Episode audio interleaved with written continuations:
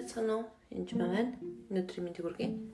Тэгэхээр та бүхэнд энэ удаа сайн мэдээ ярихаас айдагчдаг байсан тухайга гэрчлээ танд хуваалцъя гэж бодлоо. Тэгэхээр мэдээж сайн мэдээ ярихаас ч юм надаас битгий ич гэж библиэлд байдгүй байдаг. А гэхдээ би сайн мэдээ ярихаас ихтэй хойрог байсан сайн мэдээ ярьдаг байсан уу? Ярьдаг байсан. Аль болох? Одоо Иесусийн талаар ярьдаг. Аль болох бас каунслинг зөвлөгөө өгөхдөө мэдээж ижлийн талаар болон аль болох сүм рүү дагуулж явах мэдээж хүчилдэг байсан. А гэхдээ тийм одоо сайн байгаагүй. Ягаад сайн мэдээ ярьдгүй байсан? Нэг шалтгаан юу вэ гэхээр энэ хүн юу гэж бодох бол яаж бодох бол ярихаар энэ хүн хүлээж авах болов авахгүй болов ч гэдэг юм уу гэмчлэн олон юм ургуулж батсаасаа болоод сайн мэдээ ярьдгүй байсан баг гэж бодож байна. Тэгэхээр нэгэн удаа би GSA импактын шугамар би Японд ихтгэлцээнд оролцохоор явсан байгаа. Тэгээд тэр үед юу болсон бэ гэхээр Хятад, Солонгос, Японоор нэг өдөр дотор онгоцоор дайраад тэгээ буцаж ирэхдээ бас Хятад бас бүтэн 24 цагч лөө байх. Нэлээд тийм хүнд хэцүү нислэг багаар захиалсан байсан нэг яд бол хамгийн амтхан нислэг гээд аа тэгээ тэр үед би бас ер нь бол их өвчтөө байсан үедээ нэлээд ядарсан байсан үе. Тэгээд мэтгэлцээний тэмцээнд оролцох бас учраас нэлээд бэлдсэн. Тэгээ олон өдөр бас нойр сур олгүй явсан унтсан унтахгүй норг бас байсан гэл ингээл ерөөсөө маш олон асуудлууд нэг зэрэг болоод их ядарсан байсан. Аа тэгээд буцаж ирэхдээ би үгүй энэ ястаа хэцүү байна. Яаж би онгоцны хөдөл төр хонох вэ? байж чадахгүй. Надад туслаач гэдэг нөхөртөө хэлээд нөхрийнхөө хамтарч нараар би тосуулсан баг. Тэгээ тэр үед юу болсон бэ гэхээр нэг хүн янжмаа гэд пайз урьдсан зогсож байсан.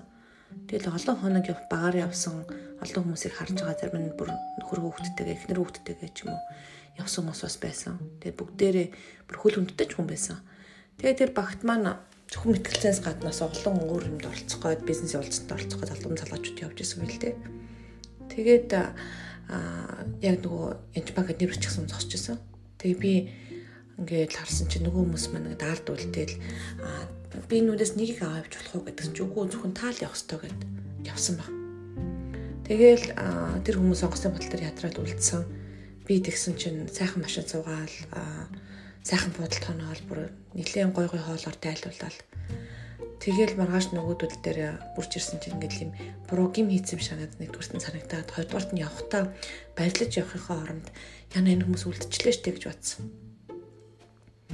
Тэг яг тэр үед ямар бодол орчихсон мэгэл хэрэг үнэхээр би ингээд диважинд явах цаг мөнхийн ус руу явах тийм цаг болоход ард тугаа хайртай дотын найз нөхөд энэ бүх хүмүүс зүгэлдээ зөвхөн янчмаа гэдэг нэр гараад чамаас өөр хорж болохгүй гэж лээд яваад их юм биш үү гэдгийг би ойлгосон. Хурж ирээд нөхөртөө хэлсэн. Хөөх ямар амар юм бэ? Бид нар чинь итгэж итгэжгээл энэ тэгээд өөртөө л мөнхийн усад орчих юм уу? Ард байгаа хажууд байгаа хүмүүс маань бүгд үлдчихүүл яах юм бэ? Та нар хүртэл орохохгүй би сайн мэдэхгүй штэ. Би ч гэсэн орохгүйг сайн мэдэхгүй. Ийм бүлээн бүлээн итгэж байхын оронд гал халуун байх ёстой байна гээд сайн мэдээг эхлээд библи стади гэртээ хийж эхэлсэн баа. Өдөр болгон хийж эхэлсэн.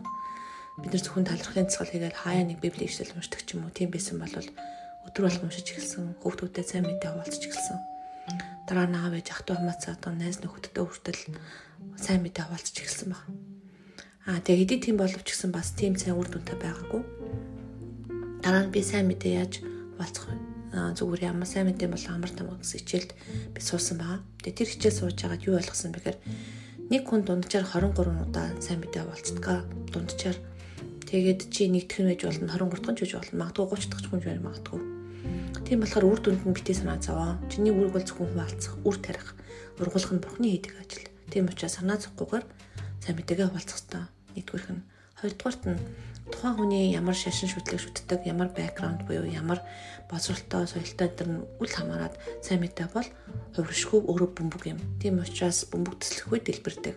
Тэрнээс гадна бурхны буцаж ирэхдээ хоосон буцаж ирдэггүй. Тийм учраас чи зүгээр л яхан 3.16 гэх юм уу? Эсвэл ариун сүнс юу гэж хэлж ин тэр үгийг хуваалцсан.